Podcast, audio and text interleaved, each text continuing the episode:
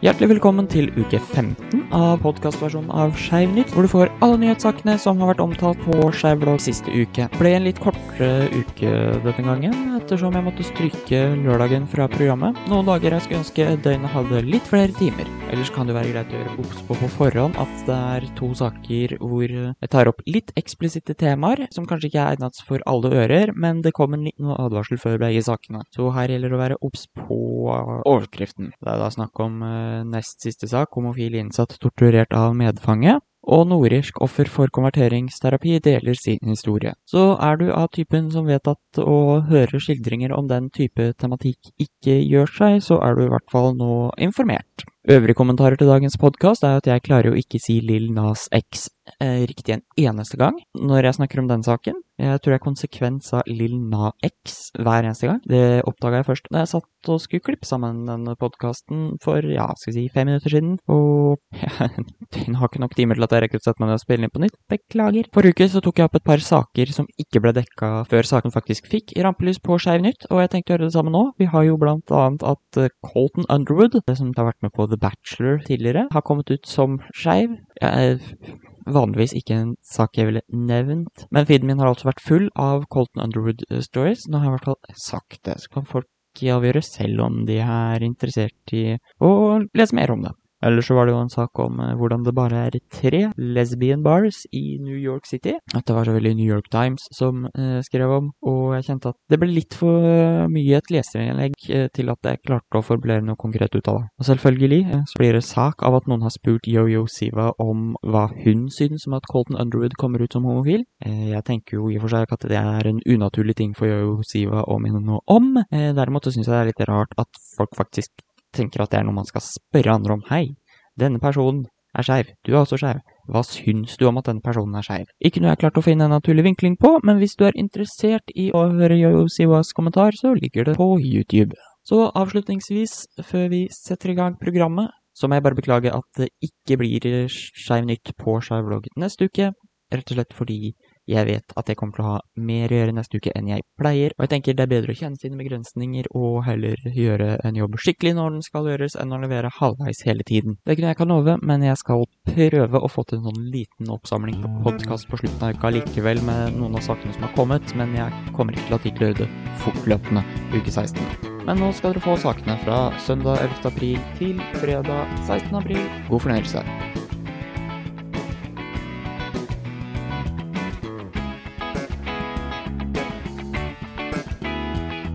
Velkommen til Skeiv nytt. Her er de skeive nyhetssakene for uka som har gått.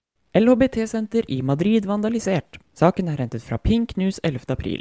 Imens politikerne i Spania prøver å bli enige om en ny lov om regler og rettigheter for transpersoner, noe statsminister Pedro Sánchez har fått mye kritikk for å bremse progresjonen på, opplever hovedkvarteret til COGA, Madrid Lesbian Gay Bisexual and Transsexual Collective, å få veggene ramponert. Graffiti i form av spraymaling med tekster som Skeiv er kvinnehat og feil kropp er lik patriarki fyller nå en av veggene til Kogams kontorer. Kogam fordømmer graffitien på Twitter og, sier de som går til vandalisme og vold, er de som ikke har noen argumenter eller logikk å komme med. Graffitien regnes å være en reaksjon på den nye loven som er på vei. Så til dagens opptur. 88 år gammel transkvinne tar opp kampen mot ensomhet blant eldre. 5. april forteller The New York Times om 88 år gamle Samantha Flores fra Mexico City som har blitt et meksikansk transkjønnet ikon. Gjennom pandemien har hun fått besøk av enslige eldre som søkte selskap på trygg avstand. Etter å ha drevet en gaybar i byen, vært LHBTS-ambassadør og generelt et sosialt vesen hele sitt liv, har Flores et stort nettverk med venner og naboer som gjerne tar turen innom. Uten mine venner ville jeg ikke vært hvem jeg er, sier hun til The New York Times. Hun er klar over at ikke alle har en nabo med like mye tid og hjerterom, og ønsker sterkt at samfunnet kan åpne igjen så fort som mulig. For de eldre skeive er andelen som ble avvist av familie antatt å være større enn i nyere tid, som kan gjøre isolasjon og lockdown enda tyngre. LHBT-fri polsk by må betale prisen. 10. april forteller The New York Times at den polske byen Krasnik, som for et par år siden erklærte seg en LHBT-fri sone, nå har fått merke økonomiske effekter.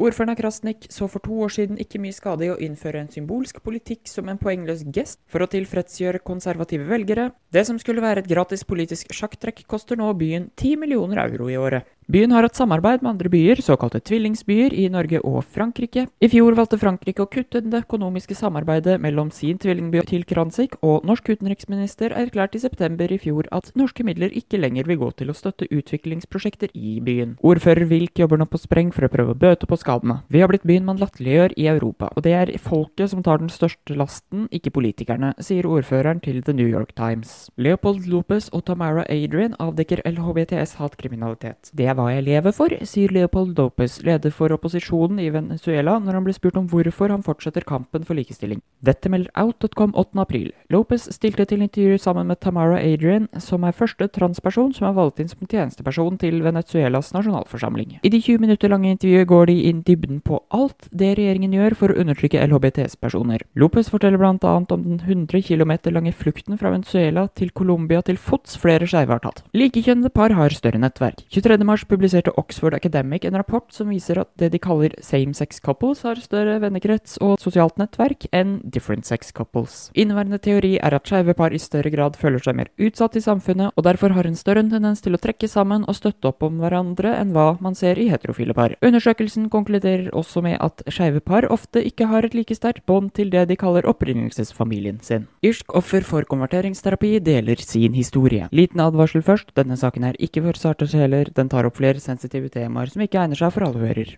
10. april forteller The Tab historien til Kyle, som vokste opp i et hjem hvor tema homofili aldri ble diskutert. Det var en av lærerne til Kyle som oppdaget at han bedrev selvskading som et resultat av den dårlige psykisk helse da Kyle var skeiv i et hus hvor å være skeiv ble sett på som umoralsk. Læreren meldte ifra direkte til foreldrene, og Kyle var med dette ute av skapet. Foreldrenes reaksjon var å kontakte menigheten sin og fikk kirkelederne til å komme på besøk i håp om å kunne be til Gud om å gjøre han heterofil. Dette satte Kyle i en tilstand av konstante selvmordstanker men da kirken ikke kunne gjøre han hetero, foreslo familien å be en lege om henvisning til konverteringsterapi. Det ble siste dråpen for Kyle, som rett ut svarte 'sender du meg dit, kommer jeg aldri hjem igjen'. Mer om saken kan leses på thetab.com. Kristen College i Sydney sparker homofil lærer. Karen Pack, tilleggsforeleser og lesbisk kvinne, forteller til 730 om grunnlaget for hennes oppsigelse. Vi har hentet saken fra Star Observer 9. april. I 2018 startet Pack å undervise på Morling College i Sydney og var helt åpen om sin legning og livsstil under ansettelsesprosessen for å sikre sin integritet. I 2020 derimot endret skolens holdning seg. Skolen mottok et brev fra en samfunnsborger som poengterte at Pack er skeiv, noe som trengte å fordømmes umiddelbart. Morling College på sin side hevder at de ikke har sagt henne opp, men at hun sluttet på eget initiativ etter etter en diskusjon på jobben om ekteskapets statur og bønn. Kolleger av Pack derimot gir uttrykk for at hun elsket jobben sin, og at det var tungt å se henne miste den. Siktet drapsmann på transkvinne i Green County tiltatt. 9.4 melder KY3.com at Charles Nelson på 28 fra Springfield i Wisconsin har blitt tiltalt for annengradsdrap for å ha skutt og drept 26 år gamle Dominique Lucius over en langingssak. Selv om Lucius var transkvinne, later det ikke til i tiltalen at det har hatt noe innvirkning i saken. Politiets etterforskere fant liket av Lucius i leiligheten Nelson hadde leid for anledningen.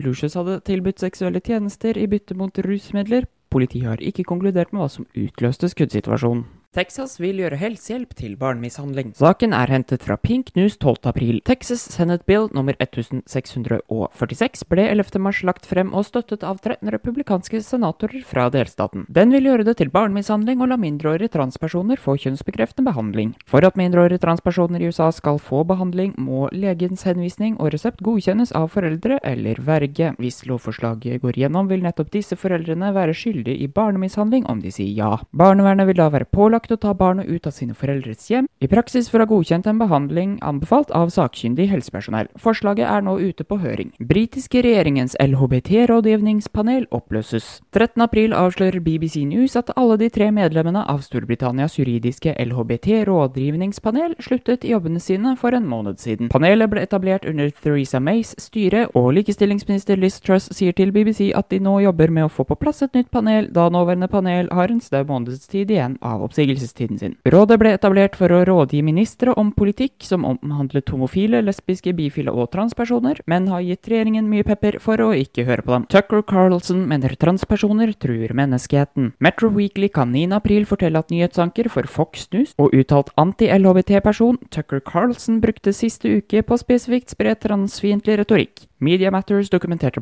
annet en ti minutters tirade ut mot transpersoner, hvor han annet påsto at transkjønnede personer truer videreføringen av arten vår. At en nyhetspresentant for et så stort mediehus kommer med slike uttalelser, kan potensielt øke hatet mot transpersoner som kun prøver å leve et privat og selvstendig liv. LHBT-vennlig kirke i Arizona står i fare. 11.505 mennesker har tatt del i en underskriftskampanje for å få opphevet bestemmelsen mot diskriminering av LHBTs personer. Dette melder advocate.com 7.4. Byrådet i Mesa, delstaten Arizonas tredje største by, vedtok 1.3 å videreføre nye retningslinjer innført av en lokal kirke. De bannlyser diskriminering i ansettelser, leieavtaler og på steder for offentlig samling mot en rekke marginaliserte grupper, deriblant LHBTs personer. Byrådets vedtak vil tre i kraft 29.6. Om underskriftskampanjen får byrådet til å endre mening, vil dette påvirke kirken, og den kan fort bli nødt til å slutte igjen med sin inkluderende modell. Lilna X forklarer barn hva å komme ut betyr. 15. april skriver LGBTQ Nation om Lilna X som deltok på barneprogrammet Arts and Raps, et program med svært unge programledere som sammen med dagens gjest bedriver en form for håndverk. Den ene programlederen brakte opp temaet å komme ut av skapet, da han tilsynelatende hadde en bokstavelig oppfatning av begrepet. Lilna X forklarer begrepet som følger. Det betyr at du sier hei alle sammen, dette er hva jeg er, dere visste det ikke engang, men dere vet det nå. Videre, når de spør what does it mean to be unapologetically you, svarer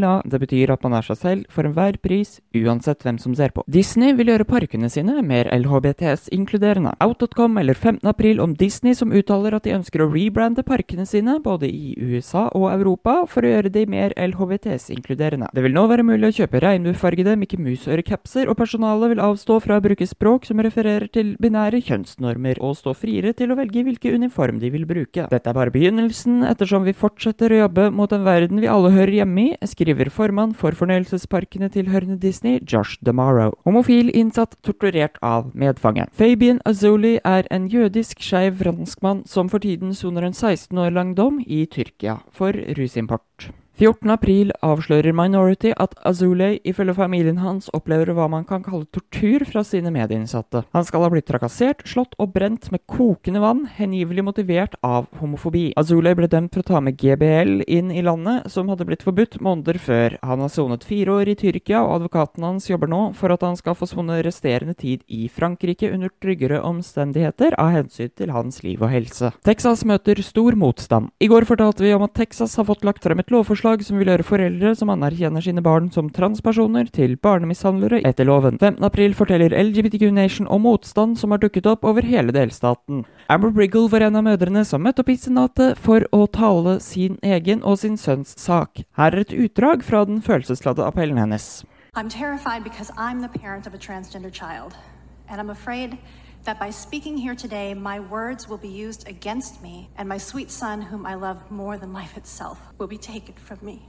I want you to know how hard it is for me to be here today. I have a million better things to do than be here today, but this committee and the bill's authors somehow deems my son's private medical care more important than COVID relief for women owned small businesses, or making public schools safer, or fixing ERCOT.